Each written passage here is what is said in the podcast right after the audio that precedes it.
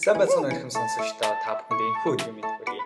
Удаан удаан хугацаанд уулзаагүй байж байгаа уулзж байгаа болохоор баг зэргийн сандралтай а мөн дээрээс нь догтлдүүр нь та бүхэнтэйгээ уулзж байгаадаа маш их баяртай.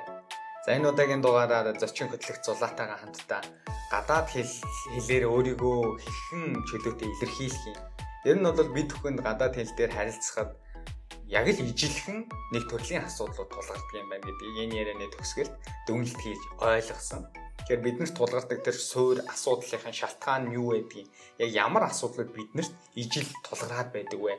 Тэгээд тухайн асуудлыг шийдэхийн тулд ямар ямар арга техникийг удаан хугацааны удаан хугацаанд тууштай ашигласны үр дүн бид хүн яг төрлөх хэл дээр ярьж байгаа юм шиг гадаад хэл дээр өөрийнхөө оюун бодол, өөрийнхөө санааг илэрхийлэх боломжтой болох тэр төвшингийн ахиулах боломжтой талаар ярилцсан байгаа. Тэр энэ удаагийн дугаар тань таалагдана гэдэгт итгэлтэй байна.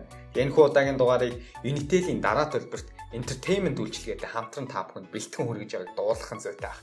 Ингээд цоо шин дугаараа хамтдаа эхлэлцгээе. Скейтэн подкастын 106 дахь бишээ 107 дахь удаагийн дугаар яг энэ цаг мөчид та бүхэнд хүрч байна. Тэгээд 107 дахь удаагийн дугаараар өмнө 2 удаагийн дугаарыг би зулаатай хамт хөтөлж явуулсан байгаа. Тэгэхээр 3 дахь удаагийн дугаар дээр зулаагаа дахин ураад мөн адил өмнөх ярьсан зүйлийнхээ үргэлжлэл байдлаар цуврал байдлаар гэх юм уу IELTS-ийн шалгалтанд хэрхэн өндөр оноо авах вэ? Ярих, бичих, сонсох. Ярих, бичих нэг нь юу лээ? Ярих, бичих, сонсох, унших За энэ дөрвөн уур чадвар дээр хэрхэн өндөр өөрийнхөө өссөн оноог авах вэ гэдэг хэсэг болгон дээр цуврал байдлаар битээр зөвлөгөө өгч. За битэрийн зөвлөгөө ч гэж яах вэ? Битэр өөрсдийнхөө судалсан мэдсэн зүйлээ бол дамжуулж хүргэж байгаа. За би гэхээсээ илүү зулаагийн зөвлөгөөг би дамжуулж хүргэж байгаа гэж хэлэхэд бол хэлхэн зүйтэй баг. Энэ удаагийн гол сэдэв бол ярианы ур чадвар. Ялангуяа англи хэл дээр, гадаад хэл дээр өөрийн төрлөх хэл биш гадны хэл дээр өөрийнхөө ярих ур чадварыг хэрхэн хөгжүүлэх вэ? Тэгээ мөн шалгалтын дээр IELTS-ийн шалгалтын дээр буюу олон улсын стандарт шалгалтын дээр хэрхэн өндөр оноо авах талаар зөвлөө маань зөвлөгөө авах угаа. Тэгээд өнөөдөр энэ ширээний ард надтай хамт сууж байгаа маш их баярлалаа. За баярлалаа.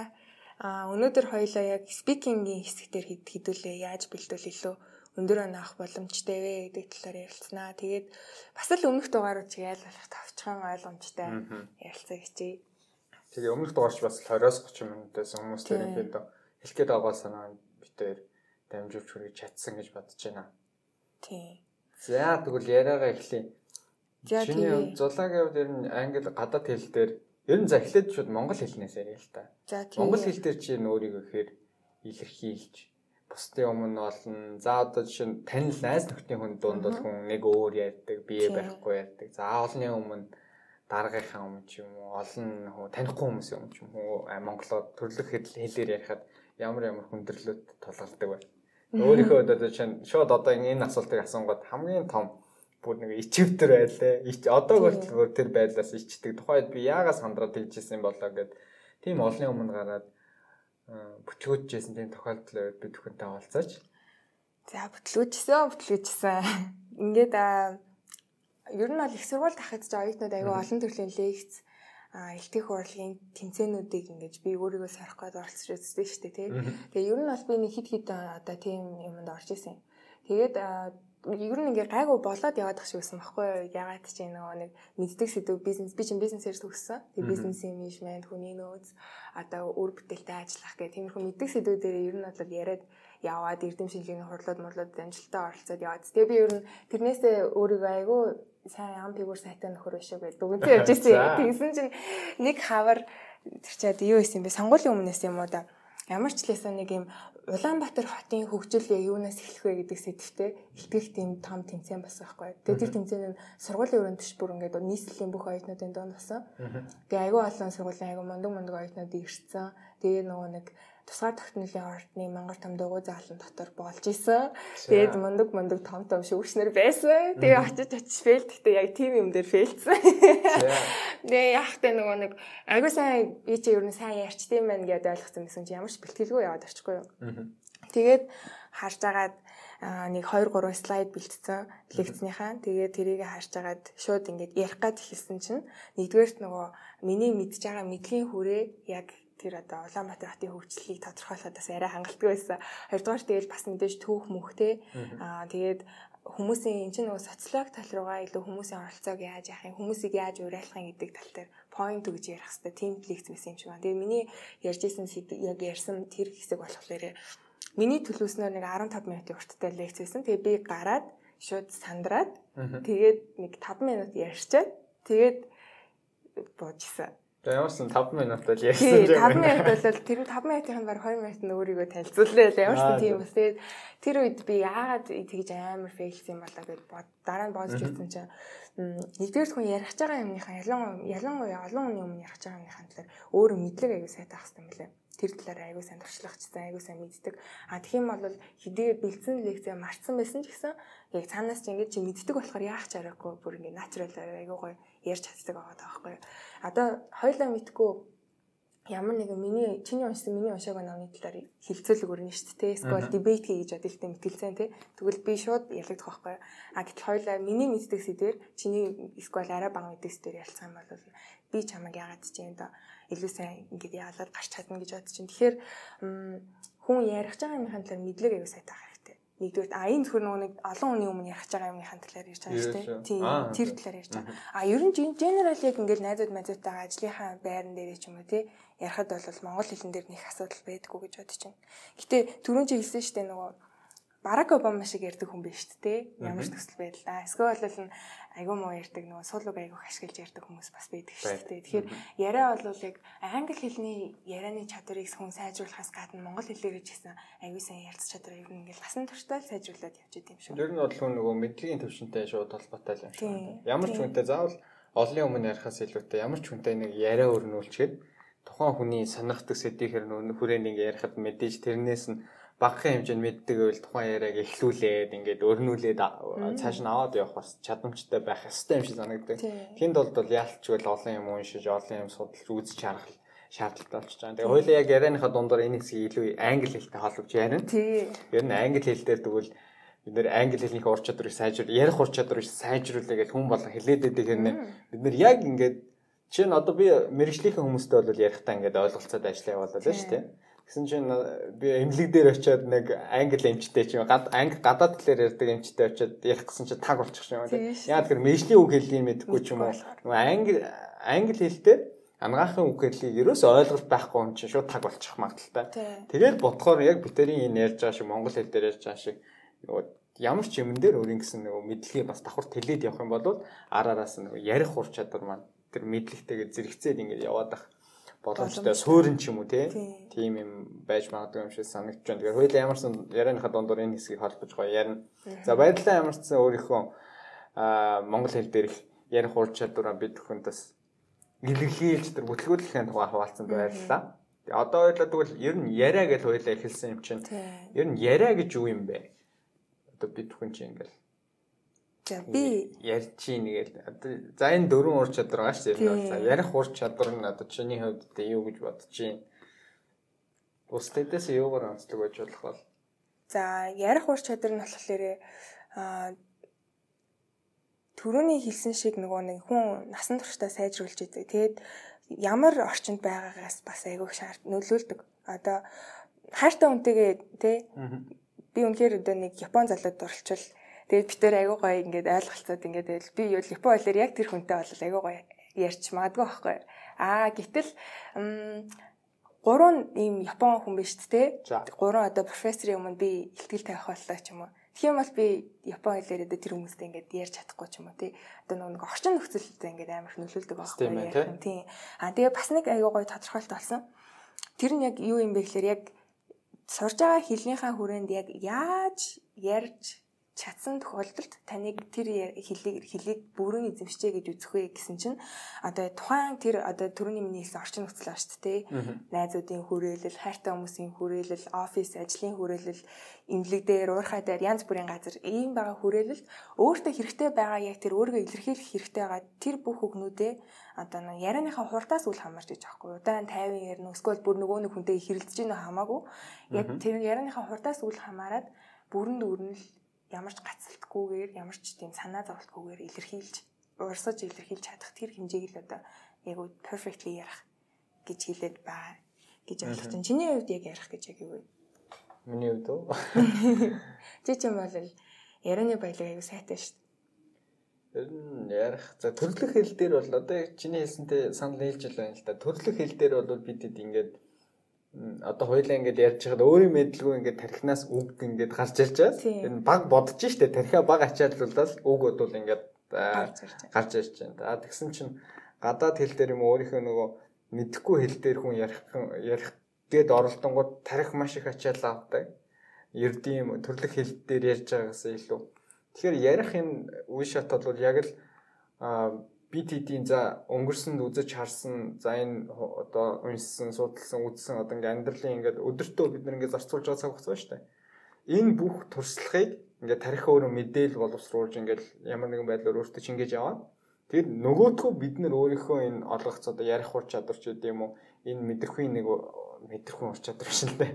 Энэ хүнд олгоцсон нэг ур чадвар гэж байна шүү дээ. Тэгээд өөр төрөмлөгдсөн тэр тархинд байгаа зүйлээ боловсруулад эргээгээд гаргаж байгаа тийм харилцааны нэг механизм гэх юм уу хүнд олгогдсон нэг даваа одоо бусад амьтнаас ялгах нэг ур чадвар юм болов уу боддог. Тэгэхээр би яг тэгж бодлох гэдэг нь да. Маш олон юм үзэж харж судалж уншсан хүн бол ярих чадвар бол харьцангуй бас сайн байх боломжтой. А харин зөвхөн одоо жишээ нь нэг байгаа газараа л байгаад байдаг. Харцдаг хүмүүс нь бас л ижлэхэн.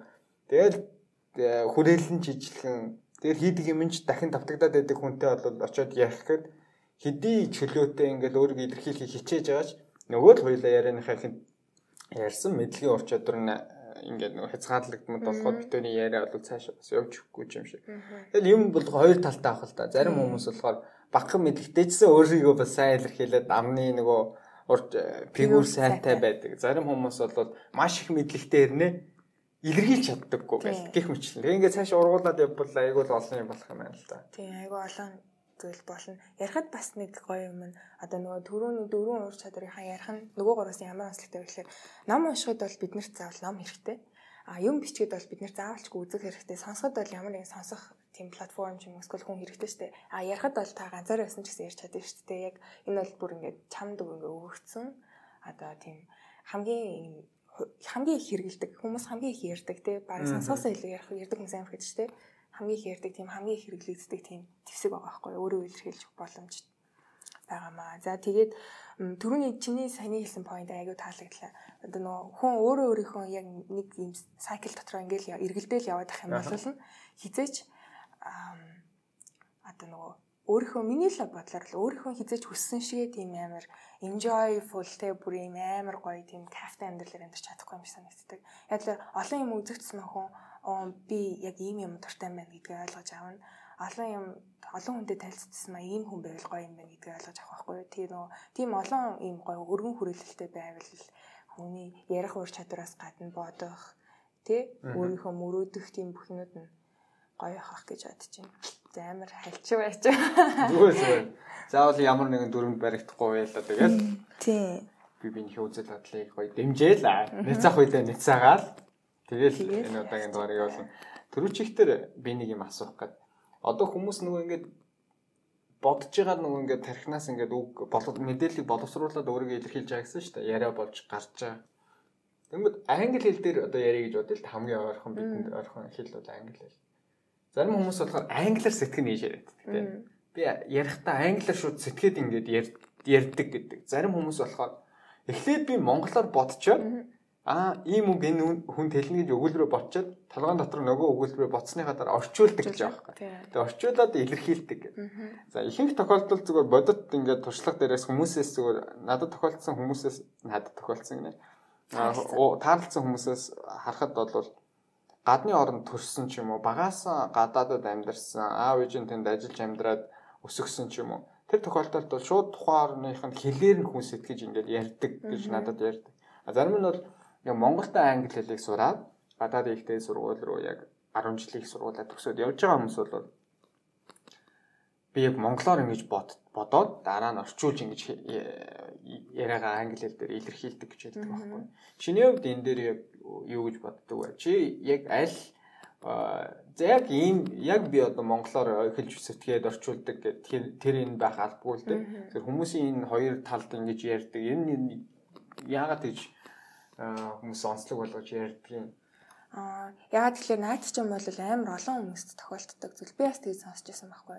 Нөгөө монгол хэл рүүгээ эхнээс нь бодцоо тэрийг орчуулаад тэгээ тэрийг англиар хэлээр илэрхийлдэг хүмүүс байдаг. А нөгөө талаараа сайн шууд ингээд бодцдог хүмүүс байдаг гэд. Тэгээд миний бодлоор бол монгол хэл дээр бодсон өгүүлбэрээ дотроо орчуулаад тэрийг англиар эргүүлээд илэрхийлнэ гэдэг чинь өөрөө ингээд тархин дотор ч амар их цаг, амар их ачаал өгөх байхгүй юу. Тэгээд яаж бодсон энэ бол натурал юм биш. Аа тэгэхээр англи хэлийг үнэхээр сурж байгаа бол бас тултлан суръя л гэж бодож хүмүүс энэ подкастыг сонсож байгаа тийм. Үнэхээр тултлан суръя гэж бодож шууд англиар сэтгэж англи хүмүүс шиг өгүүлбэрийн бүтцэн цаанаас ямар ч асуудалгүй англиар бодогдож шууд ингэж урсаж гарах хэрэгтэй. Тэгэж өөрийгөө сургах хэрэгтэй гэж бодож байна. Түүнээс аль approach нь зөв бэ гэж би бол ерөөсөө ярихгүй. Угаасаа яг англиар шууд сэтгэж ярьж тэгж чаддаг чаддаг болох хэрэгтэй бид нэр хаан төрхөө сонгож чадахгүй шүү дээ мэдээж. Гэхдээ luckily бид нэр эрхчлөөтэй оронд төрсэн интернеттэй газар төрсэн. Тэгэхээр интернетээс амар их кино үзэж болно, дуу сонсч болно, ном уншиж болно. Өөрийгөө бүрийн яг англи төрсэн хүүхдүүдээс ялгаагүй л тийм орчинд айлуулах, оруулаад түлхээд авах хэрэгтэй шүү дээ. Тэгж чадах юм бол тэр хүн хүссэн хүсээгүй тархич нь яг ингээд тэгж сэтгэж чаддаг болно. Энэ бол бүр миний хувьд бол бүр батлагдсан зүйл байхгүй юу? Одоо ингээд өмнө нь болохоор яг ингээд 10 жилийн багш нар дөрмийн хичээлээ заагаал те. За одоо to be байна. To be дээр нөх нь ing ингээд тэгээд гээд яг ингээд нөгөө хүүхдүүдэд аргагүй шүү дээ тэр чинь хүүхдүүдэд нөгөө нэг за бүтцэн юм байд юм байна гэд ойлгуулчин. Тэнгүүд яг математикийн бодлого шиг за энэ үгний оронд би ямар үг орлуулж тавиал энэ үгэлбэр зөв болох вэ гэсэн. Яг тийм байдлаар одоо тийм сурсан. Би ч гэсэн тэгж сурч байсан. Тэгэхээр одоо тэгж сурж байгаа хүүхдүүд чинь болохоор мэдээж шууд бүтцээ бодоод тэр бүтцийнхаа монгол өгнүүдийг англи өгнүүдээр replace хийгээд тэгээ тэрийгээ дараа нь өгүүлбэр болгож илэрхийлэх жишээ нь. Инхээр нөгөө нэг төвний хэлээд хоёулынх нь яриад нэг төрлийнх нь хүмүүсийн ярианы хэлбэр гарч байгаа байхгүй. Энэ байдлаас яаж гарч болох вэ гэхээр айгүй олон тийм англи хэл дээр conversation сонсох хэрэгтэй. Ерөөсө хамгийн энгийн арга. Бүр хамгийн энгийн арга штэ. Ингээд зөвлөгөө болгон дээр амар сонс гэж би хэлдэг. Тэгээ хүмүүс за энэ чинь амархан штэ команд ямар нэгэн тийм нууц юм байхгүй мүү гэд бодож магадгүй. Гэтэ үнэхээр нууц юм байхгүй. Зүгээр л өдрийнхөө 24 цагийнхаа нэг бүтэн цагийг нэг англи хэл дээр кино үзэхэд зарцуулж харилцан яриа сонсох хэрэгтэй. Тэгээд тэрийгэ эргүүлээд тэр хүмүүсийн харилцан яриаг эргүүлээд дуурайж ярьж үзэх хэрэгтэй. Тэгэх юм бол яг яг тэр хүмүүс яг ямар үгийг яаж хэлээд байгаа юм бэ гэдгийг яг ямар нөхцөлд ямар үгийг ашиглаад байгаа юм бэ гэдгийг хүртэл анзаарч эхлэх байхгүй юу. Тэгэхээр л хүн яг цаанаасаа ингээд өөрөө ирэхгүй шууд англиар бодож ярьж эхэлдэг болно. Энэ тийм амар хэцүү зүйл бол бас биш.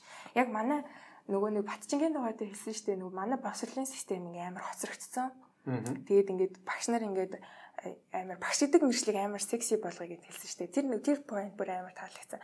Ямар ч гэсэн ийм өгүүлбэрийн бүтцээр нь ингэж чэйжлүүлдэг тийм сургалтын систем бүр ингээ масс нөлөөлсөн болохоор хүүхдүүд яалтчгүй англи хэл сурахыг хүсэж байгаа. Гэхдээ тэр хүмүүсийн сурах approach нь анханасаа тэгээ тавьчихсан байгаа байхгүй. Гэтэ а одоо англи хэл үнэхээр сурж эхлэх байгаа хүмүүст бол мэдээж өгүүлбэрийн бүтц дүрмээ ойлгох нь бол зөв. Жишээний ард цугаад англи хэлээ бэлтгэх нь бол зөв. А тэрнээсээ бүр илүүтэйгээр та энэ англи хэлийг ашиглаж ярина. Та энэ англи хэлийг ямар ч одоо тийм самбар бодох нь дэвтэр мэвтэргүйгээр зөвхөн шууд илэр өөрийгөө илэрхийлэхэд хэрэглэнэ гэдгийг ойлгох юм бол та яавал тэгвэл би илүү хурдан хэрэглэх боломжтой ингээд бодоод үцхээр хамгийн хамгийн энгийн арга нь ерөөсөө тийм юм сонсох орчинд л өөрийгөө оруулах хэрэгтэй гэж хэлгээд байгаа байхгүй. Тэгээд сайн сонсч чадах юм бол тэр чинь тэндээсээ ингээд дасаад ойлгоод яг л нөгөө гадаадд төрсөн хүмүүс яагаад англиар сэтгэж яриад яагаад л 90 тойрны хүмүүс нь бүгд англиар ярьж байгаа байхгүй. Тэгэхээр тийм юм сонсоод ахаар чи хүн тэрийгээ сурчиж байгаа байхгүй. Тэмдэл адилхан амар тийм сонсох хэрэгтэй. Тэгэл тэгэл өөрийгөө ингээд шууд англиар бодож тийм нэг өгүүлбэрийн бүтц чинь юу гэлээ гэдгээ бодохгүйгээр шууд ингээд илэрхийлэх боломжтой. Тийм нөхцөлд аваач чадах хэрэгтэй л гэж бодож байна. Тэгэх юм бол илүү хурдан сөрнө. А нэгэнт одоо нөгөө нэг бүтийн бүт багш нараараа тэгээ заалгасан тийм бүтцээс нь эхлээд ингээд сурцсан тий. Өгүүлбэр монгол хэлээ ингээд replace хийж ойлгодог. Тийм хүмүүс ах юм бол одоо давуу тал гэвэл дөнгөж англи хэл сурж байгаа хүмүүстэй харьцуулахад та дөрмийн мэдлэгтэй болцсон байна тий. Тэгэхээр одоо бас дахиад юмнуудаа сайн сонсох юм бол бүр илүү хурдтай сурч чадна л гэж хэлгээд байна. Өөрөө чөлөөлөх хэрэгтэй л байна. Би угаасаа ингэж сулсан гэдэг тэр нэг төгжээгээ тайлаа. Ойлгох хэрэгтэй. Болоод яг үнэ. Чөлөөтэй. гэж бодож штеп. Одоо угаасаа интернет өгчсөн байгаа юм чи хүмүүс. Тийм бүхэл зүйл нээлттэй болцсон бие дагаа сурахад бол заавал одоо гадаад оронд нь очиж ийш орчин бүрдүүлж ийш одоо нэг 5 6 жилийн өмнө хүмүүс чинь за гадаад явж хэлний бэлтгэл явъя орчинд нь очиж ийш англи хэлийг сурах юм байна гэж ярьдаг байсан бол өнөөдөр бол цаг хугацаа бүр ингээд явах тусам интернет маш хурдтай хөгжиж бид бүхэн интернетийг ашиглаад гэрээсээ эх орондоо байхдаа бага зардлаар Тийм. англи хэлийг сурах болцоод болчиход шүү дээ. Тийм. Гол нь гэхдээ нууны шалтгаан шалтгаан тооцохгүй байх юм бол яг үнэндээ ямар ч нөхцөлд хүн юу ч сурч чадна л гэж бодож байна. Одоо манад жишээлбэл яаж англи орчинд өөрийгөө оруулж болох юм бэ гэхээр англи хэлний гоё клубуд шүү дээ. Одоо корона гайгүй болохоор буцаагаад нийт хөлгөөдөө тий. Одоо бүр үн төлбөргүй хүүхдүүд хагасаа бүтээсэн болгон цугларддаг. Тэмцэндөө олон клубуд клубуд Facebook дээр хүртэл ивэнтэ зарлаад явж идэв шүү дээ. Тэгэхээр тийшээ очиод өөрийгөө англиар илэрхийлж үзээд англи хэл сурч байгаа хүмүүстэй найзалж болж байна. Хоёрдугаарт нь хэм бол одоо манай Монгол оронд чинь гадаад мэрэгчлэнүүд аягүй хийгэрсэн. Бүр Монголд ирж амьдардаг гадаад хүмүүс зөндөө байгаа шүү дээ. Тийм хүмүүсээ явж байгаад найзууд болж болж юм тий. Аа 3 дугаар гэх юм бол Skype-аар туториал буюу одоо нэг багш хөлсөлж авч болж штэ. Бүр ингээд Америкт төрсэн Америк багшийг Skype-даар ингээд ураад тэгээл ингээд тэр хүнд мөнгө шилжүүлээд гэтээ мэдээж маш бага мөнгө. Тэгээл мэдээж англи Америк руу очсноос илүү бага зардлаар тэр хүнтэй ингээ ярилцаад тийм native speaking тийм орчныг өөртөө яаж л яаж бүртүүлж болох вэ? Тэгэхээр би Америкт төрөөг болохоор гээд гэдэг шалтгаан бол битгий урдаа тавиарэ гэж хэлмээр байна. Тэр шалтгаан дээр нэг юм хэлэхэд нөгөө хүмүүс яг хүмүүс ч гэлтгүй бид хэд адилхан л байгаа шүү дээ. Шалтгаан тоочж байгаа бол яагаад гэдэг асуултанд бид нэр яг 100% төвлөрч сууж байгаад хариулж чадаагүй байгаагийн бас шалтгаан байж магадгүй юм шиг санагдсан. Ер нь яагаад англи хэл сурах гэдэг вэ? Яагаад би гадаад хэл сурах гэдэг вэ? За англи хэл сурах гэдэг шалтгаанаар чинь тэр нь зүгээр л гадаадд очиж ихтэй сургууль сурах байгаа юм тийм. А за тэр гадаадын ихтэй сургуульд нь сурчаад тэгээ яах юм? Гэдэг ингээд дараа дараагийн нэг асуултаас дараагийн асуулт нь ургаж гарч ирээд дараа дараагийнх нь тэр хамгийн чухал яагаад гэдэг асуултаа хүн зөв тодорхойлж чадах юм бол бид өхөн шалтгаан гарахгүйгээр өдөртөө ядаж дорож цөөн тоогоор ч юм уу цаг зарцуулаад авах боломжтой юм шиг. Тэгээ бид нар өөрсдөө нөгөө яагаад гэж тэгэнгүүт би англиэл сурмаараа сурмаараа гэж байнга нөгөөдгөө бодол нь өөрийг нь зовоож байгаа байхгүй. Бодлоосоо болоод стресстэй. Би англиэл сурмаараа гэсэн нөгөө өнгөрсөн сар юу ч хийгээг болохоор би өөртөө юу ч хийсэнгүй штэ яана гэсэн мөртлөө л шаналаад байдаг тий. Тэгээ хийгээгүй ажилласаа болоод хүн шаналаад байна гэсэн үг шүү. Тэгэхээр тэр хүний хувьд бол нөгөө өөрийнх нь хамгийн чухал гэсэн нэг өөртөө хүн чинь нэг зарчим байгаа шүү дээ. Хийгдэг зорилго ч юм уу. Тэгээ тэр эренбүүдээ өөрөө магадгүй англи хэл нь 5 тугаа ч юм уу тий. 6 тагаа ч юм уу нэгт оруулж иж тайаагүй. Тийм болохоор тэр хүн бол хизээж түндэ зай зарцуулахгүй. Өөр юм игээл яваад байна. Ажил ажиллаа нэг тавина. Магадгүй өөр юу гэдэг. Найз нөхдөд уулзгаа хоёр тавина. За гурав дахь нь юу гэдэг хобби ч гэдэм. Тэгж явсаар л нөгөөдх нь 6 7 товчсон англи хэл нь байгаа тохиолдолд бол тэр хүн хизээч өөрт нь 24 хоногийн 24 цаг ногдож байгаа.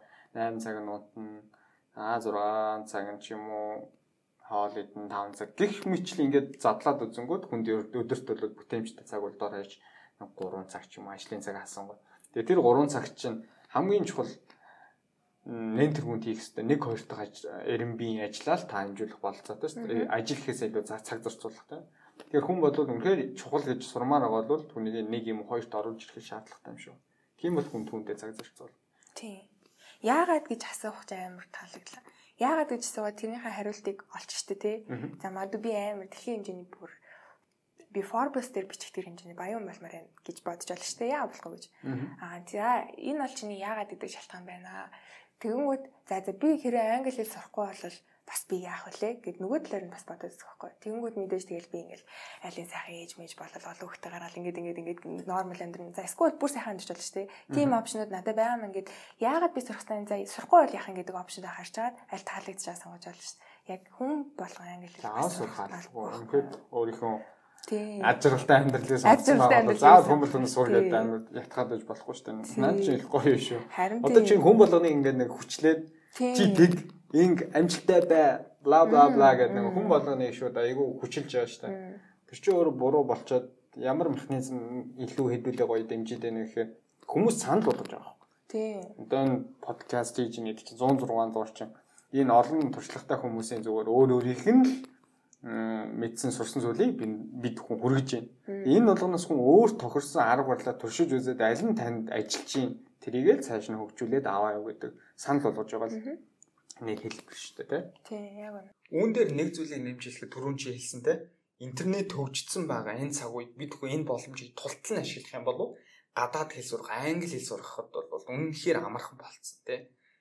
Тэгэхээр хүн ямар нэгэн шин зүйлийг одоо сурахад те заавал гадаад хэл гэлтгүүгээр шин ур чадварыг эзэмшгээд өөрийнхөө тэр дуртай яг юун дуртай юунаас илүү эрчүүч энерги аваад байгаа. Тэр арга барилтайгаа хослуулж сурах юм бол богино хугацаанд үр дүн гараад тэгээ богино хугацаанд нөгөө нүдэнд харагдахуйц үр дүн гараад байгаа юм чинь хүн түүнээс урам авдаг. Урам авж яана гэдэг чинь удаан хугацаанд түүнийг таслахгүй тууштай хийх боломжтой гэсэн үг байхгүй. Тэгэхээр одоо түрүүн хэлсэнтэй кино үзэх а телевизэн шоу үзэх дуртай юм байгаа бол англи хэлтэй киногоо үзээд телевизэн шоугаа үзэх тийм бүрэн одоо боломжууд нь биднэрт нээлттэй байгаа. Гол нь бид бүхэн түүнийг ашиглах хэрэгтэй. Одоо биднэрт хамгийн ойр жишээ гэх юм бол за Unitel-ийн дараа төлбөрт үйлчлэгийг худалдаа авах юм бол Look TV ирэх өнөөдөр өнгөө дагалддаг болцсон байна. Тэгэхээр Look TV дээр орж байгаа тэр маш олон дэлхийн шилдэг кинонуудыг бид хүн англи хэл дээр үзэх боломжтой. Мөн монгол хэл дээр үзэх боломжтой. Тэгэхээр англи хэлийг хөгжүүлэе гэж бодож байгаа бол хамгийн ойрын жишээ бол та Look TV-г ашиглах боломжтой болчихж байгаа. Тэгээ энэ дараа төлбөрт үйлчлэх нь ямар нэгэн суур хураамж авахгүй, барьцаа хураамж байхгүй. Тэгэхээр бид хөө өнөөдөр өөрт ямар хэрэгцээ байна? Би яг үнэхээр англи хэлийг сурах шаардлагатай юу? За тэгвэл надад хамгийн ойрхон хэрэгцээ нь юу вэ? Тэр хэрэгцээн дээр тааруулж өнөөдөр ингээд өөрт байгаа хамгийн ойрын үйлчлэгийг сонгож аваад хэрэглэх бүрэн тийм боломжууд нь бидэрт нээлттэй байна. Хамгийн гол нь бид хөө өөрсдөө эхлүүлэх шаардлагатай юм шиг санагдаад байна. Миний хувьд бол түрүүчийн чиний хэлсэн зүйл дээр бол ийм зүйлийг нэхийг хүслээ. Одоо дараагийн асуулт нь болохоор мэдээж IELTS-ийн шалгалттай холбоотой зүйлийг хоёлаа ярьж байгаа болохоор IELTS-ийнхаа ярианы шалгалтынхаа бүтцийн талаар товч яриа. Тэгэд энэ бүтцүүд дээр хэрхэн одоо жишээ нь өндөр оноо бид нар авах боломжтой ямар арга барилаар бэлтгэх юм бол өндөр оноо авахын маш олон хүмүүс л угаасаа IELTS-ийн шалгалт дээр өндөр оноо авсан туршлага байгаа. Тэгээ бодит хүмүүсийн амьдрал дээр их гой гой туршлагуудаас нь гой судалсан зүйлүүд байгаа. Тэгэл гой арга барил энэ ч тийм өндөр оноо авах тактикийн талаар байлаа ярилцаа. За тэгээ нэгдүгээр хамгийн эхлээд хоёлаа IELTS-ийн яг speaking ярианы хэсэг дээр ямар бүтцтэй ирд юм бэ гэдэг тэрийг яриа л та. Нөгөө нэг paper based гэсэн штэ өмнө нөгөө цаасан дээр шалгалт өгдөг. Аа тэр үед болохоор хүн хоёул хоёулан шиг ингээд өөдөөс өөдөөс хаар сууж агаад нэг багштай тодорхой сэдвүүдийн хүрээнд амьдараа ингээ face to face ярьдаг. Одоо болохоор онлайн болсон гэдээ яриад байгаа дээ тий. Онлайн болохоор нөгөө бичгийн шалгалт одоо унших энтрийг бүгдийг нь компьютераар онлайнаар хийгээд цаашаа явуулдаг болсон тийм бүтэц рүү орсон. Гэтэ paper based нь still available байгаа юм лээ. А боловч speaking хэсэг нь яг адилхан хэвээр үлдсэн байгаа байхгүй. Өөрөөр хэлбэл яг л face to face адилхан ярьдаг болсон байгаа. Тэгэхээр хүмүүс нөгөө онлайн болсон гэхэлэр би компьютерт ярих юм бахтаа гэж бодож магадгүй тийхгүй. Та бодис хүнтэй ярина гэж тэгж ойлгох хэрэгтэй. Нэгдүгээр нь хоёрдугаар нь болохоор гурван парттай байдаг. Хамгийн ихний парт нь болохоор нэг 4-5 минут үргэлжилдэг. За энэ хооронд юу ярьдаг вэ гэхээр хоёр хүн warm up questions гэж ярьж байгаа юм л та. Мэдээж юм хоёр амьд хүний харилцаа явагдаж байгаа болохоор хамгийн эхлээл тэр хүн учир зүггүй. За эдийн засгийг юу гэж боддог вэ гэж асуухгүй нь ойлгомжтой шүү дээ, тий. А хамгийн эхнээс нь одоо за чиний бодлоор одоо тий яагаад чи айлтсан шалгалтыг өгж байгаа вэ гэдэг юм уу. Тиймэрхүү warm up question-уудыг ярьж эхэлдэг. За би энэ дээр нэг шалгалтын дээр ирсэн одоо part нэг асуултын жишээг хэлж өгөөл та жишээлх юм бол яг энэ шалгалтыг мэдээж дараа нь өөртөө судлах байх гэхдээ нөгөө илүү сонирхолтой байх гэж үдээд аваад ирсэн маа. За part 1 дээр хүмүүс яг шалгалтны өрөөнд орж ирээд аа тэр нөгөө нэг шалгалт авч байгаа багштайгаа багш нь болохоор асуултууд асууна. Аа тэгээд тэр асуултанд чи тодорхой хэмжээний хариулж яхад хизээ зогсоод дараагийн асуулт асуух үедээ багш нь шийдээд явчихна л гэсэн үг байхгүй. Тэгээд хамгийн ихний одоо part 1 дээр жишээлх юм бол танаа улсад эхнээс нь нэг юм дэм хэлнэ. Одоо нэг хоёлаа нэг иймэрхүү анзааны юм ярих шүү гэдгээ тэр хүндээ хэлчихнэ. Одоо энэ дээр байгаа жишээн дэр хэмээл хүмүүст бие биендээ бэлэг өгөх талаар хоёлаа ярилцсанаа гэж багш нь байна шүү дээ тий. Тэгээд танаа усад ер нь хүмүүс яг хэдий хэдий үеэр бие биендээ бэлэг өгдөг вэ гэд асууж асууж эхлэх юм уу тий. Тэгэнгүүт одоо ингээд хэдүүлээ ингээд тэр талаар ингээд англиар яриад хийлээ. Тэгэнгүүт за ойлголоо. Тэгвэл ер нь чи ихэвчлэн хүмүүст гэрлүүн очтой ямар бэлэг өгдөг вэ? Гэдэг ч юм уу тэрийг бэлэгтэйг холбоотой юм энгийн л чиний амьдралтай холбоотой асуулт. Нэг сэдвэл олон талаас нь гоё асуугаад шүү дээ. гэсэн үг байхгүй. Чи хүмүүст бэлэг дуртай яаж гэдэг юм уу те.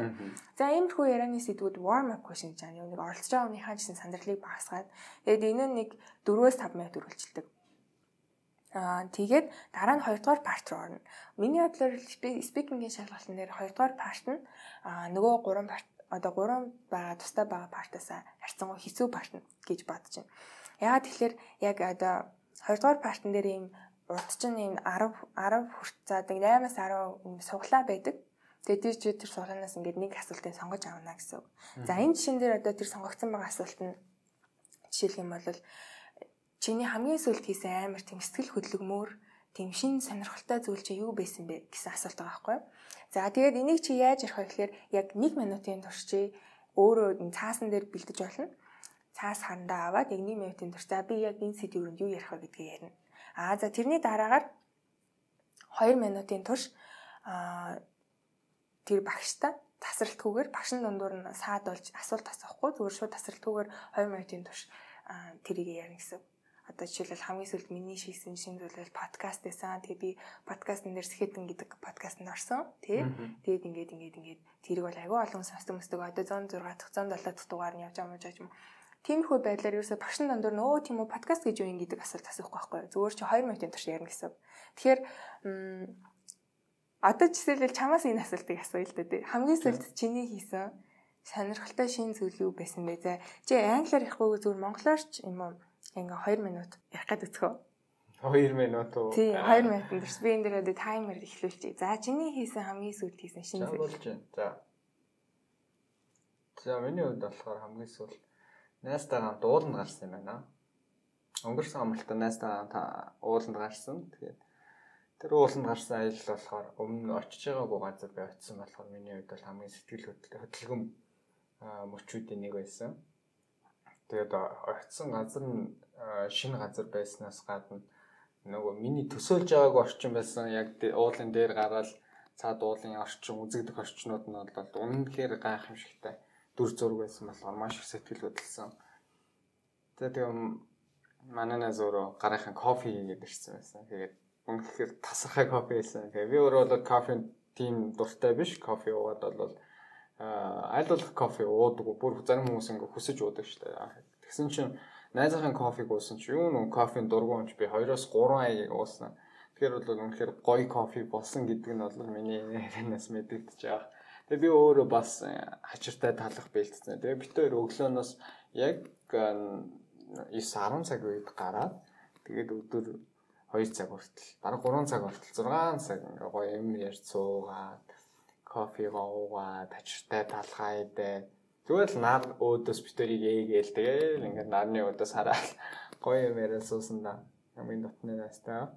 Тэгээ тэр мөчүүд бол хамгийн гоё мөчүүдийн нэг байсан. Яа тэгэхээр чи уулын тун гарангууд дасгал хөдөлгөөн хийхээс гадна тэн чин интернет сүлжээ байсан л да. Гэхдээ хүмүүс чинь уцаа хаагаад тэр чинь мэдээж амрах гэж байгаа аа гар утснаас холдох гэж байгаа ш тэсэг хугацаанд өөрийнхөө тархийг амраах гэж байгаа болохоор Тэгэл яг тэр хүнтэй төвлөрч 6 цаг ярьж сууна гэдэг бол маш гоё тайван мэдрэмж байсан. Ямар нэг юм туugдахгүйгээр тэгээд цэвэр агаад гоё орчин байсан. Тэгэхээр энэ бол хамгийн их сэтгэл хөдлөлгөн мөчүүдийн нэг байсан. Хамгийн ажил ихтэй хүний хувьд бол нэг өдөрцөн 6 цаг ууланд гарна гэдэг бол хамгийн гайхалтай юм аа. Яа.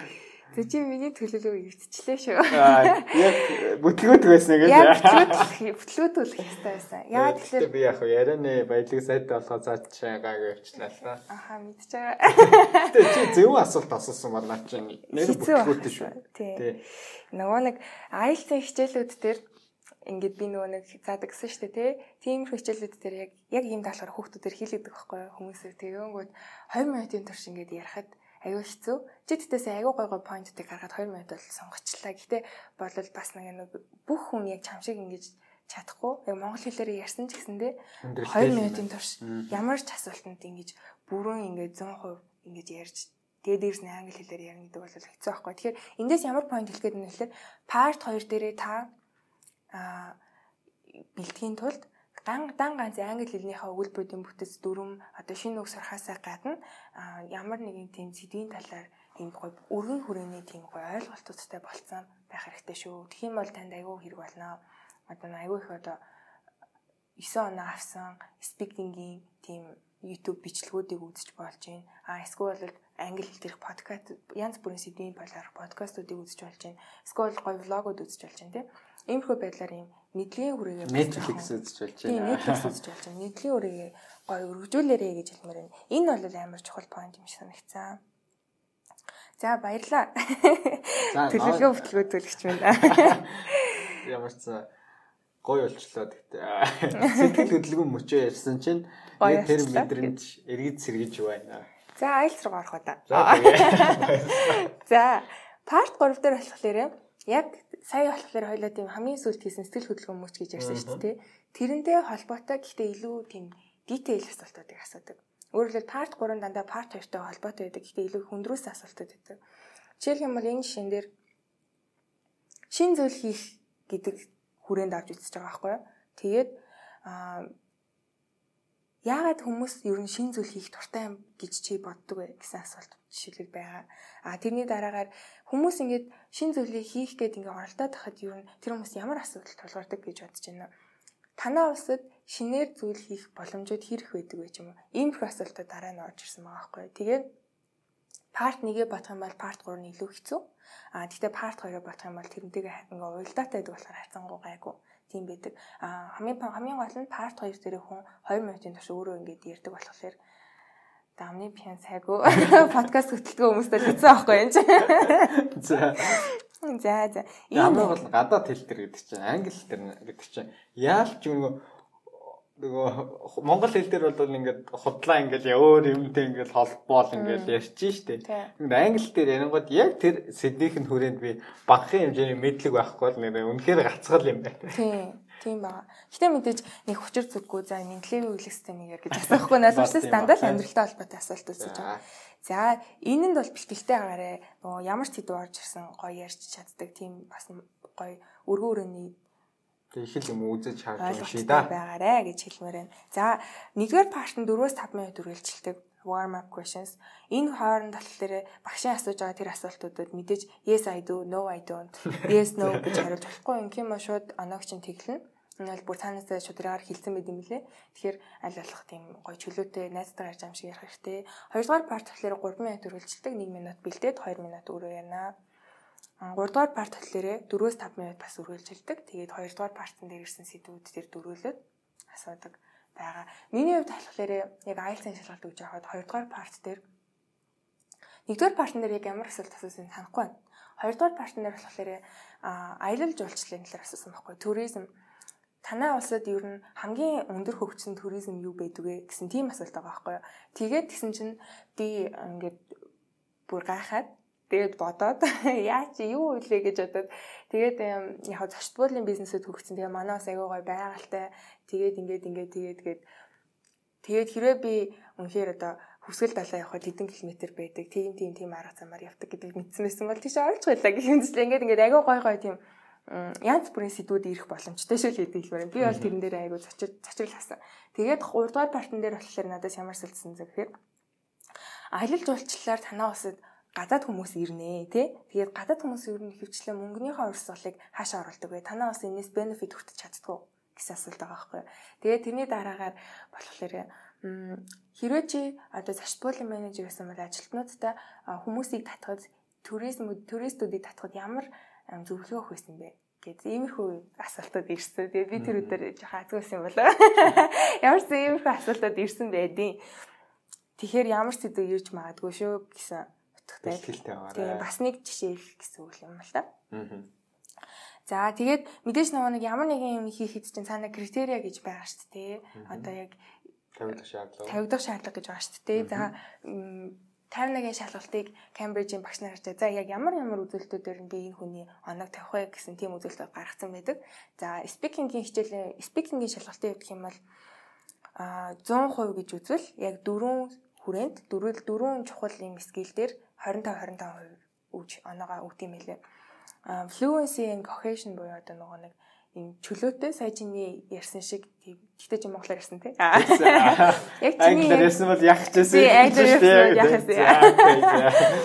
Гэтэ яг чиний яг тэрийг чинь зүгээр англи version гэсэн үг байхгүй fluency гэдэг чинь. Яг чиний яг ямар ч тийм саадгүйгээр юм чөлөөтэй илэрхийлнэ гэсэн. А ингийн тулд танд нөгөө хоёулынх хамгийн эхлээд ярьсан шиг монгол хэлний үгийн үгнүүдээ орлуулж тавьчаад тэрийг англиар replace гэж тэр бүтцэн дээр ингэж ажиллах юм бол танд тийж амжихгүй. Тэгээд тэр fluency мэдрэхдэггүй бас.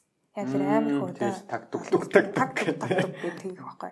Тэгэхээр тэр ялж чухал. Тэгээ cohesion гэдэг чинь болохоор яг нөө бас ухамсартай юм хэрэгтэй хэрэгтэй шүү дээ тий.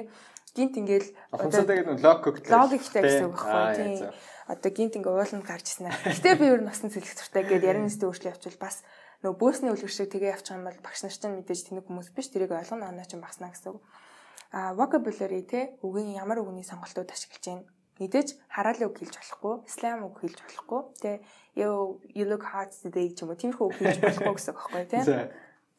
А тэгээ grammar дүрм бол мэдээж чухал. Хичнээн одоо гоё ярьсан ч гэсэн одоо нөгөө дүрмийн алдаа гаргаад ах юм бол бас айгүй хэцүү шүү дээ тий. Тэгээд тийм pronunciation одоо нөгөө акцент бас айгүй чухал. Мэдээж олон улсын англи хэлний хувьд англи хэлний айлцсан шалгалтын хувьд бол одоо нэгтгэх хүн чинь English accentтэй байдаг шүү дээ. Эсвэл Япон солонгос хүн болохоор нэг бас нэг жоохон Korean Englishтэй байдаг шүү дээ. Тэр акцентуудыг бол хизээж дорд үзэж доош нь хийж хүндэтгэлгүй хандна гэсэн тийм юм байхгүй. Тэрийг бол хүндэтгэлтэй ханднаа. Тэр хүн гадаад үв соёлтой гэдгийг ойлгож хүндлэн. А гэтээ нөгөө нэг яриа нь бас ойлгомжтой байх хэрэгтэй ямар ч хүн ярьсан. Тэгэхээр аялга гэхээсээ илүү дуудлага нь илүү зөв байх хэрэгтэй. Аялга бол хамаагүй.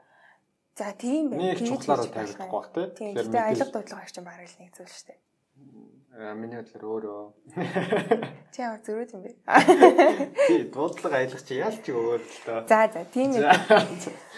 Pronunciation дээр ямар ч дуудлага дээр анхаарах хэрэгтэй байна. Дуудлага дээр анхаарна гэдэг чинь угаасаа нөгөө бид нар угаасаа дикшнэр ашиглах юм бол арталт нь энэ үг яаж дуудах юм үнэхээр мэдэхгүйгээ сайхан гоё галиглаа галиглах юм одоо тэр чинь монгол руу орчуулахаар яхаа тэгээд бичсэн байдаг. Тэрийг нь бол илүү зөв дуудах юм бол цаад улс орных нь аялга нь бол харьцан гуйг байх. Тэр үгээл зөв дуудах. Үгээл зөв дуудах хэрэгтэй. Тийм бол нөө илүү ойлгомжтой сонсогдно за энэ дөрвөн үзүүлэлт ингээд 25 25% нийлүүлээ тэгээд 100% болт юм байна. За. 100 авах нэ. 100% авчлаа. Тэрийг чинь хин дүгнэх вэ гэхэлэр одоо нэг чамтай яг face to face ярьж байгаа багш чинь а өөрийнхөө оноог тавина. Яг л тэр хүн чамтай ингээд шууд 100% нүдэ харж ярьсан болохоор тэр хүнд нэг оноо тавина. А тэгээд цаашаа рекордыг нөгөө Cambridge-ийн яг IELTS шалгалтын үндсний үндсэн төв рүү нь явуулдаг. Тэгээд тэр төвийнх нь мэрэгсэн багш нар тэрийг зөвхөн рекордыг сонсоод эсвэл зарим шалгалтын дээр бичлэг хийсэн байт юм ажиглаас нь. Тэрийг нь сонсоод тэгээ бас нэг оноо тавина. Тэгээ хоёр багшийн онооны дунджаар таны оноо гардаг гэсэн үг байгаа. Тэгэхээр бол бас хит нэг талтай тий тэр нөө ярьжсэн багш надад айгүй бол дургүй байсан ч юм уу. Тиймэрхүү юм байхгүй гэсэн үг байхгүй. Ер нь бол айгүй шудраг дүгнэгддэг байгаа. За тийм байна. Одоо ингээд ерөнхийдөө онооныхаа систем ямар хөө байдлаар үнэлтгийг бол тайлбарлаж байна тий. Тэгвэл үүн дээр нэг юм асууя л та. Аа нэг юм асууя л та гэж асууад. За асуул. Одоо хүмүүсийн туршлагаас харах юм бол чиний сонссон судлалын туршлагаас харуул одоо янз бүрийн англи хэл дээр ярианыхаа ур чадварыг сайжруулах техник техникүүд байгаа, аргачлалууд байгаа. Тэгэхээр хүн болгон тэр нь өөр өөр ажиллана. Тийм. Тэгэхээр яг ингээд тэр ийм аргачлалыг би ашиглаад тэр нь надад ядаж 80% гоё таарад миний англи хэл бүр 40%, 50%, бүр 80% сайжирсан тэр бодит өөртөө би харсан гэдэг тийм гой гой жишээнүүд байна. Тийм бол тэр жишээнүүдийнх нь арга арга нь юу байсан, техник нь юу байсан. Тэрийг хүмүүст гой хуваалцаа. Тэгээд зарим хүмүүс тэндээс гоёыг нь аваад өөртөө туршиж үзээ. Зарим нь бол айл үжи хэрэгжүүлсэн мэдж байгаа зүйлийг хоёулаа ярих бах л та. Тийм байгаах тий. Би бүр нэг амар гой жишээ олсон. Энийг бүр ингээд айгүй олон хүмүүс бас сонсоосоо гэж хүсэж байна. За. YouTube дээр TEDx гэж байгаа шүү дээ. Олон улсын одоо мундаг мундаг хүмүүс мэрэгсэн хүмүүс ихтэл тавьдаг айгүй гоё ивент гэдэг. TEDx дээр Sid Efremovich гэдэг нэг залуу байгаа. Тэгээ тэр залуу болохоор өөрөө Америк залуу боловч а 7 хэлээр ярьдаг. Тэгээд тэр хүн 18 нас хүрэхээс өмнө 7 хэлнийхаа 4 хэлээс сурцсан. Аа тэгээ 18 наснаас хойшоо 24 нас хүртлээр 3 хэлийг нэмж 6 жилийн дотор сурсан байгаа байхгүй. Гэтэ тэр хүн бүр ингээд бүх хэлнүүдээ төгс сурсан байгаа юм. Тэгээ тэр хүн яаж ингэж би хийсэн бэ гэд тэгэхээр хүмүүс төрсөн тэр хүний хэлсэн хамгийн гол угаасаа л төрсөн юм шүү. Үгүй хэлний авьяастай. Хэлний авьяастай байж магадгүй. Тэ үнэхээр 7 молон хэл сурсан. Гэтэ тэр хүний point нь болохоор хүмүүс төрсөн цагаас хойш би яг юг what should I do? What shouldn't I do гэдэг юм а заалгадаг. Чи ингэх ёстой, чи ингэх ёсгүй гэдэг юм а заалгадаг. Юм сурахтаа ч гэсэн чи дүрм нь ийм байдаг. дүрм биш нь ийм байдаг. Чи ингэх ёстой, ингэх ёсгүй гэж хоёр хувааж ингэж заагаад байдаг. А гэтэл бидний тарих болохоор яг ямар үйл ажиллагаатай явагддаг вэ гэхээр айгаа миксэд байд юм байна л да. Мэдээж тархиныхаа за энэ талынх нь эснүүд нь тэ эндэ бэжийг талынх нь эснүүд нь эндэ бэжийг гэж бид нар хуваачдаггүй. Тарих бүх мийг л ингэж нөгөө нэгэн зэрэг боловсруулж идэг тэ. Тэгэхээр юм болгоныг ингэж what should I do, what shouldn't I do гэж ингэж хоёр хуваагаад хэл ялангуяа хэл зурхтай тэгж хувааснаас болоод хүмүүс амар их олон гоё хэл сурах боломж алддаг. Хин хүмүүс нэг юм уу хоёр хэл нэмж сурдаг. Яг 7 8-аар нөгөө сурах боломжууд байдаг гэж юм. Тэгээд тэр хүн 5 техник хэлсэн маамалтайг өөрөө ашигладаг. Нэгдүгээр нь болохоор алдаа гарга. Хэл сурах гэж байгаа алдаа гарга. Тэгээд яа тэгэхээр Монгол хэл дээр бид нэр одоо аяг, тавг, халдвах, сэрэ гэдэг ингээд нэг галтгооны хэрэгслүүдийг ингээд бүр мэддэг бүхэл бүтэн юм vocabulary-ийн юм том юм одоо автортай болсон байна. А гэтэл англи хэлэн дээр бид нарт тийм авдар авдрын доторх үгнүүд маань харцангуй цөөхөн байгаа монгол хэл дээр үгнүүд маань тий. Тэгэнгүүт хүмүүс алдаа гарах үедээ гэж би яг юу хийх ёстой юу хийх ёсгүй гэдэгт амар төвлөрсөн болохоор би алдаа гаргачих үедээ гэж айсансаа болоод тэр нэг цөөхөн хитгэн мэддэг үгэн дээрээ л эргэлдээд идэг. Тэгээд угаасаа бид нар бидний өгөгдсөн боломж нь ингээд шал өөр өнгөтэй монгол хэл гэдэг автортай өөр өвгтэй ээжж бид нэр англи хэлтэй энэ автрыг ямар ч алдаа гарахгүйгээр дүүргэн гисэн боломжгүй гэж байгаа байхгүй. Тийм болохоор хүн алдаа гарахгүй гэдгээсээ айгаад алдаа гарчих үедээ гэдгээсээ айгаад хоошоо суугаад тэгээ нөгөө нэг байгаа хитгэн үгнүүдээ ингээд ашиглаад тэгээ тэрэн дотроо л ингээд хөрхэн жижиг явдаг. Гэтэ хизээч тэр нь автар автар дүүрэн хөхтэй болгож чадахгүй. Нэр тийм шүү. Тийм тэгээд тийм болохоор хүн алдаа гарах хэрэгтэй гэж байгаа. Тэгээд яаж алдаа гарах вэ гэхээр шинэ үг сурахтаа тэр үгнийхээ буруудууд яадын хамаагүй. Тэр үгийг чи ингээд шинэ үг сурах гэж агиох eagerly тэмцэх хэрэгтэй гэж аахгүй. Би одоо жишээлбэл испани хэлэн дээр ямар нэг үг хэлье гэж бодоход би агиу инээсээ хэлж магадгүй шүү дээ тий. Тэгсэн ч гэсэн хүмүүс ч ямар инээсэн ч гэсэн бити санаа зов. Зүгээр л тэр үгнүүдийг ингээд сур авторын доторх үгнүүдээ нэм гэж байхгүй. Тэгэхээр тэнд бол хүмүүс ямар майндсеттэй авах хэрэгтэй вэ гэхээр энэ бол миний төрлөх хэл биш. Би алдаа гарах эрхтэй би энийг харин сурах гэж оролдож ин гэж бодож сурах хэрэгтэй гэж аа нэгдүгээрт нь. Хоёрдугаарт нь болохоор а одоо гадаад хэлний алфабет гэдэг нэг юу байгаа штэ. Цагаан толгой. Аа. Тэр чинь манай монгол хэлний цагаан толгоноос мэдээж өөр байгаа шүү дээ. Одоо хятад метод Японд дэр бол бүр ханс гэж явцдаг. Англи хэлэн дээр болохоор ABCD гээд G, M гээд биднэрт байдгүй өсгөнүүд хүртэл байдаг шүү дээ, тий. Тэгэхээр тиймэрхүү өсгөнүүд орсон үгнүүдийг бид нэр хараад шууд мэдээж буруу дуудана. А хамгийн ихний удаадаа ч юм уу тий буруу дуудана. А гэтэл биднэрт байгаа давуу тал юу гэхээр монгол хэл дээр яг тэр үгнүүдтэй адилхан авиатай үгнүүд бид нар байгаа дээ. Тэр нөгөө нэг dictionary дээр арчлан галаглаад монголоор бичсэн байдаг гэдгсэн шүү дээ. Заавалгүй англи үгийг нь харж чэйжлэхгүйгээр тэр галагнаг галагсан үгнүүдийг айгуу сайн хааж ажиллах хэрэгтэй юм. Тийм бол та яг одоо нөгөө илүү сайн тэр үгээ pronounce хийж чадна. Тэгээд тэгэж үгийг catch up хийж чадах юм бол хүн илүү хурдан тогтоож чаддаг юм байна л да. Энэ хүний хэлж байгаагаар бол. За 3 дугаар техник нь болохоор find your stickler гэж байгаа. Энэ юу гэсэн үг гэхээр чамайг үргэлж support хийх, чамайг алдаа гаргахыг зөвшөөрөх тийм хүнийг ол гэж юм. Гэтэ тэр хүн нь чиний сурахыг хүсэж байгаа language-ийг мэддэг.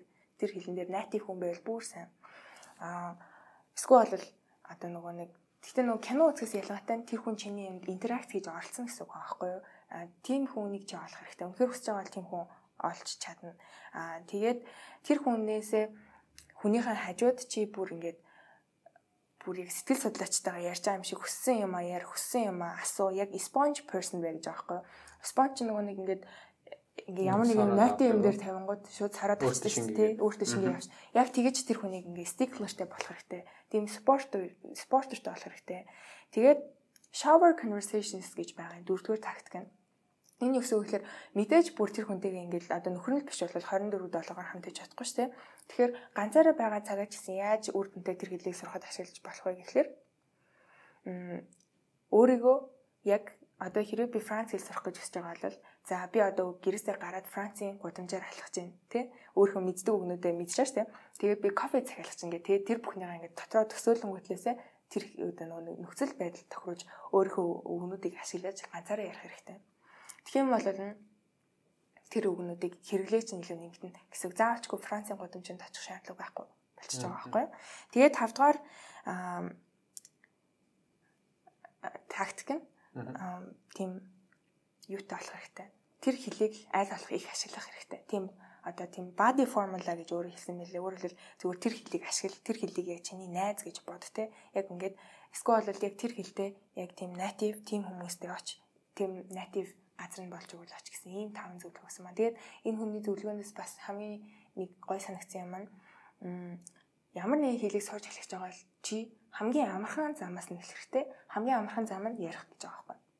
Өөрөөр хэлэх юм бол биднэрт ном хэрэггүй заавчгүй намтай байх албагүй, заавчгүй бүзэг цаастай байх албагүй зүгээр чи унтахынхаа өмнө усанд орж явах ч юм уу хэрэглэж болох юм чинь ярих чадвар шүү дээ тий. Тэгэхээр ямар нэгэн хэлийг сурахтаа тэр хэлээр ярьж ярьж эхлэх хэрэгтэй. Тэгээ мэдээж бас мэдээж сонсох хэрэгтэй л дээ. Тэгээд судлаад тэрийг ярьж илэрхийлээд ах юм бол айгүй хурдан суртгаа гэдэг. Тэгээд энэ хүн долоон хэлтэй Испани, Хятад, Япон, Араб Энэ сонсож байгаагаар энэ үзмэл Тийм. Хоёлоо подкастныхаа доор линкийг оруулчих болно шүү дээ. YouTube-ийнхаа. Тийм. Би бас дуудахтай холбоотой нэг гоё линк оруулна. Ер нь англи хэлний үгийг яаж цэвхэн дуудах талаар YouTube дээр миний үзчихсэн гоё бичлэг байдаг. Тэрийг бас линкийг оруулчих. Тийм. Тэгвэл хүмүүст аягүй хэрэгтэй шүү дээ. За. За ийм хэд ийм гоё таван тактик байна. Би сая чиний ярианд дунд гоё гоё санаач байх. Энэ гэхдээ яаж жуулж ийн үгүй ер нь ингээл янз бүрийн тактик бүх юмны суур шалтгаануудынх нь нэг нь болохоор англи дээр ярих бол миний хувьд айц гэж боддог. Энд миний хувьд ш олон хүн шүүнтэй санал нэгдэх ба. Бидээд ингээд алкогол хэрэгэлсэн үедээ ч юм уу те маш сайн англиар ярьдаг шүү дээ. Би бол өөрийгөө тэрийг мэдэрдэг. Тэгээ нэ ажлынхантайгаа ч юм ингээл сууж аа нэг хоёр пиа уучдаг ч юм уу. Тэгэхэд бол за тэгэл англиар бол нэлээд сайн яриад тэр үнтэй бол ямар ч асуудалгүй барыг ойлголцоод ингээд явж байдаг. My favorite friend болоод баснастэй. Тэгэхээр энэ зүгээр хүмүүсийг zeg алахгүй болоод англиэл сур гэж юм биш үү? Гол суул суур хэлэх гээд байгаа зүйл нь айцтай л холбоотой аахгүй. Тэнгүүд хүн тэр айцгүй болчихгоод яг чиний хэлж байгаа шүү дөрөв чинь алдаа гаргахаасаа зүгээр л нэг үгч урсаад урсаад ингээ гарч яадаг. Тэгэхээр энэ айц гэдэг зүйл чинь амар чухал зүйл болчиход байгаа байхгүй. Тэгэхээр хамгийн эхлээд тэр яагаад гэдэг асуултанд хариулаад Тэгээ яагаад гэдэг зорилго нь тодорхой байгаа юм да. Одоо арай айцтайгаа нууртуулж эхлэх шаардлагатай болж эхэлж байгаа юм л да. Зарим үед би бүр санаанд оромгүй хамгийн сайн мэддэг үгээ хүртэл ингэ мартчихдаг шүү дээ. Яг их нь заа ээж өөчлөө баг энэ ширээг юу гэдэг лээ гэж бодоод байдаг. Нөгөө үг нь орж ирдэг. Тийм паникт орчдөг юм уу. Ерөөсө цэвэр төр чи айц айцаас болоо бид нар тархиа ингэ түүжиж яадаг юм байна л да. Тиймэрхүү тиймэрхүү зүйлүүд амар их ажиглагддаг. Маш их ажиглагддаг. Тийм болохоор айцтайгаа нууртуулах. Тэгээд зулаг хамгийн сүүлийн тэр үгэн дунд явж чинь ерөөсөө л найзаа гэж бод сурах хэрэгтэй гэдэг тийм. Англи хэлийг найзаа гэж бод. Хоёрдугаар ярьж байгаа хүнээ ерөөсөө л нөгөө хамгийн сүүлд ганц зориг эдийн засгт хийсэн дугаар дээр хүнийг ерөөсөө хүн гэдэг утгаар хүлээж яв гэх. Тэгээд хараа сурчих. Тэгээд өөрийнхөө тархийг буй сэтгэлгээгээ хандлага тэгээд өөрчлөд өөртөө байнга томьёо болгоо ингээ байнга хилээд байх юм бол тэрнтэй адилхан нөгөө энэ санааны суур шалтгаан суур хэлэх гээд байгаа гол санаа нь юу юм бэ гэхээр За одоо хоёулаа ингэж би менежертэй ярьж байна тий. Олон жил ажилласан Австрал.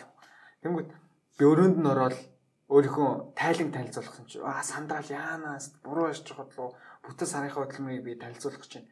Ерөөсөө л нөгөө айцаар өөрийнхөө тархийг дарангуулчин гол чинь би амар эвгүй байдал орчиж байгаа байхгүй. Эвгүй байдал орсон хүн чинь гол санаагаа илэрхийлж чадахгүй, хэлж чадахгүй. Тэгэл өрөөнөөс нь бүтлгүүтэд гардаг. Гэтэл оронгуутаар би өөрийнхөө тархийг юу гэж програмчлах хэрэгтэй байх гэхээр оо манай менежер чи хүн штэ тий. Адилхан надтай адилхан хүн. Ерөөсөл хүн гэдэг утгаар нь хөрхидөө зайлал гэж байгаа л нөгөө хүнийг би өөрөөсөө нөгөө хэд илүү хүн үнэлчихэд штэ. Мундаг гэд өөрөөс. Тэнгүүд энэ нэг төвшингийн зөрөг гарчиж байгаа гот. Педестал дээр тавьчихдаг. Тий. Тэнгүүд нь би айж хэлж штэ. Тэгэхгүй нөгөө хүний шууд өрөөнд нь ороод яг хажуудаа буулгаж авчих хэвээр төвшин.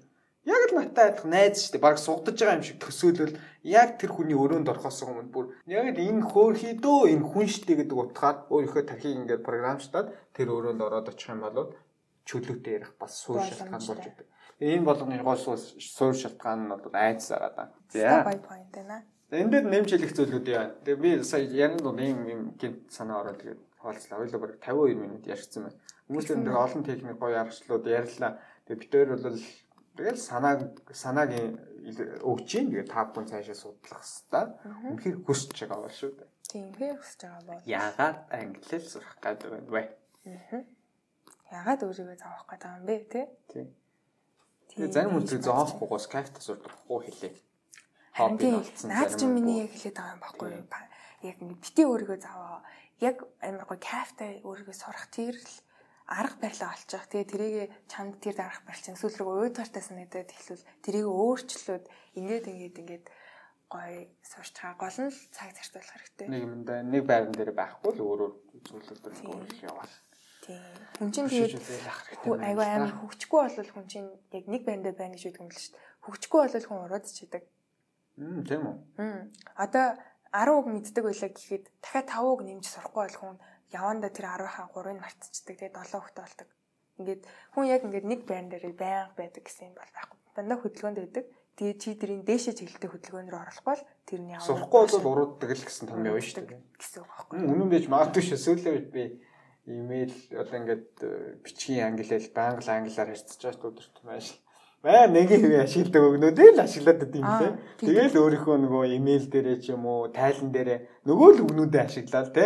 Тэгэл орлуулад яваад. Гэтэл англи хэл чинь өөрөө нэг үгийг баг 2 3 янзаар илэрхийлэх 5 6-аар илэрхийлэх цаана үгүүд байхад тэр хэдийг сураад яг ямар тохиолдолд аль үгийг ашиглавал илүү мэрэгжлийн ёс зүйтэй гоё харагдах ч гэдэм энэ хүнд илүү таалагдах бол ч гэдэм үү те тэр нөхцөл байдлаас нь шалтгаалаад ашиглах хэрэгтэй юм шиг. Яг чиний над чим магадгүй над дээр илэрч иш магадгүй байна. Сурахгүй англи хэлээ илүү гүнзгийрүүл цаашаа давтахгүй байгаа болохоор яг одоо байгаа үгсийн сандаа баригдаад өгүүлбэрээ гаргаж ирээл илэрхийлэл хүнтэй яриад яваад байгаа юм байна. Харин тийм. Тэгээд яг хаа энэс юу хэлэх гээд байгаа гэхээр 24 цагийнхаа 2 3 орхон чамд олцож байгаа яа. Чиний хувийн цаг гэж хоёул түрүү тооцоолсон шүү дээ.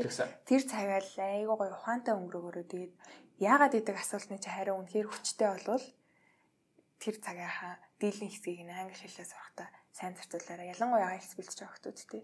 Цаг алдах хэрэггүй шүү. Цаг алдах хэрэггүй гэж бодсон. Олон жил бодоод явахгүй гэдэг гэлс оноогоо аваад үнэхээр сурмаар бол гэлс сураад ингэж хорондоо ирээл локлогдсон коронатай байгаа үе ашиглаж байгаад тий. Тэгээ тэр үедээ сайн сурж агаад тэгээ цаашаа яваад их боломжтой болдог гэж юу. За баярлалаа. За баярлалаа манайхаа сонссон. Тэгээ энэ удаагийн дугаарыг 107 дахь удаагийн дугаарыг сонссон сонсогч та бүхэнд маш баярлалаа. Тэгээд энэ удаагийн дугаартай холбоотой санал сэтгэл байх юм бол зулагийн инстаграм явуулаа. Хүмүүс нэр асуугаад зулаатай яаж холбогдох вэ? Энэ дугаарын зулагийн хувьд болохоор түрүүн яран дундуура хэлсэн байгаа IELTS-ийн шалгалтанд бэлдэх одоо өөрийнхөө хамтран ажиллаж байгаа хүмүүстээ бол үн төлбөрөөр хичээл ордог ажлынхаа бус цагаар. Тэгэхээр мэдээж туршлагатай олон хүмүүст бас шавьтай хөөрхөдөө шавьтай тэгээд хүмүүс юм заагаад үздсэн Тийм болохоор энэ хүмүүст өнөөдөр өөрч оролцуулж бас өөрхөн туршлагыг хуваалцаж байгаа юм шүү. Зүгээр ш нүхнийг өөрч байгаа биш те. Бас багш хүний тэгээ сайн дураараа баг хамтолонд өөрийнхөө туршлага мэдлэгийг хуваалцаж байгаа юм. Өгөөмөр нэгэн бүсгүй байна. Тэгээд зулаагийн Instagram юм уу холбогдох хаягаа бид хүнд бид хүнд хаваалцаач. Ноц. Instagram хаяг чинь болохоор зулаа явш гэд байгаа зул аюу ш. Тийм угаасаа сторинууд хийхлээр харагдчихаа шүү дээ. Ви пост гэж орохоор байна. Гэтэ би баг фоллоу request авдаг юм дөө. Тийм яа. Тэгээ таньдаг хүмүүс болохоор тэгээ танилцал та. Хүмүүс танихгүй байж бол танилцдаг үстэй. За тийм ээ. Level up хийх хэрэгтэй тий. Тий. За за. Тэгээ энэ удаагийн дугаарыг сонссон. Дахин баярлалаа. Тэгээд сүүлийн хэдэн дугаарууд дээр хүмүүс бол маш их сэтгэл ирүүлж байгаа. Гэхдээ би төхөн одоо манайхан чи яаха болсон байлээ. Instagram дээр нөгөө подкаста ингээд скриншот хийгээд тэгээд миний Instagram хаягийг бодлоо цогцлогоон дээр тэгээ одоо зулаагийн Instagram мэддэг болсон юм шиг байна. BTD-г меншн хийгээд сторид оруулахаа мартдаг болсон байлээ. Тийм үү. Аа мэдгүй. Тийм ирэхгүй байгаа байхгүй. Тэгээд би хүмүүсийг оруулах байгаа юм байна гэж бодоод. Тэгээд та бүхэн түүнийг үргэлжлүүлээд явуулаарай гэж хүсэж байна. Тэгэх юм бол би тэгээд тэр чинь хүн сонсож байгаа юм байна гэдээ урам авна шүү дээ. Дараа дараагийн дугаарыг бас цаг алдлаггүй 7 хоног тутам оруулаад явах. Тэр одоо түлш нь болж игдэг аа шүү дээ. Бензин гэх юм уу тийм.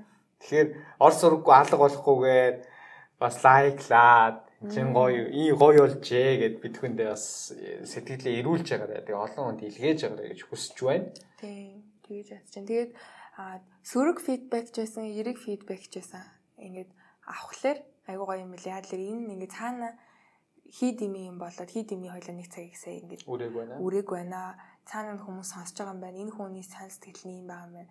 Тэгээд би ч юм бол бүр одоо энэ чинь 3 дахь миний чамтай хамт хийж байгаа 3 дахь подкаст ч тийм хамгийн ихний подкастн дээр ингээд амар тийм ерөнхий юм яриад байна. Яг ингээд гол тийм честний гол гол point.